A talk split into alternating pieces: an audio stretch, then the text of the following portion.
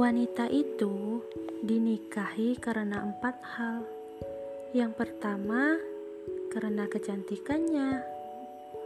Yang kedua, karena keturunannya. Yang ketiga, karena kekayaannya.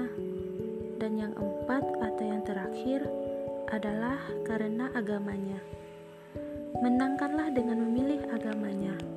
Maka, taribat yadaka kembali kepada fitrah atau beruntung. Hadis riwayat Al-Bukhari, Muslim.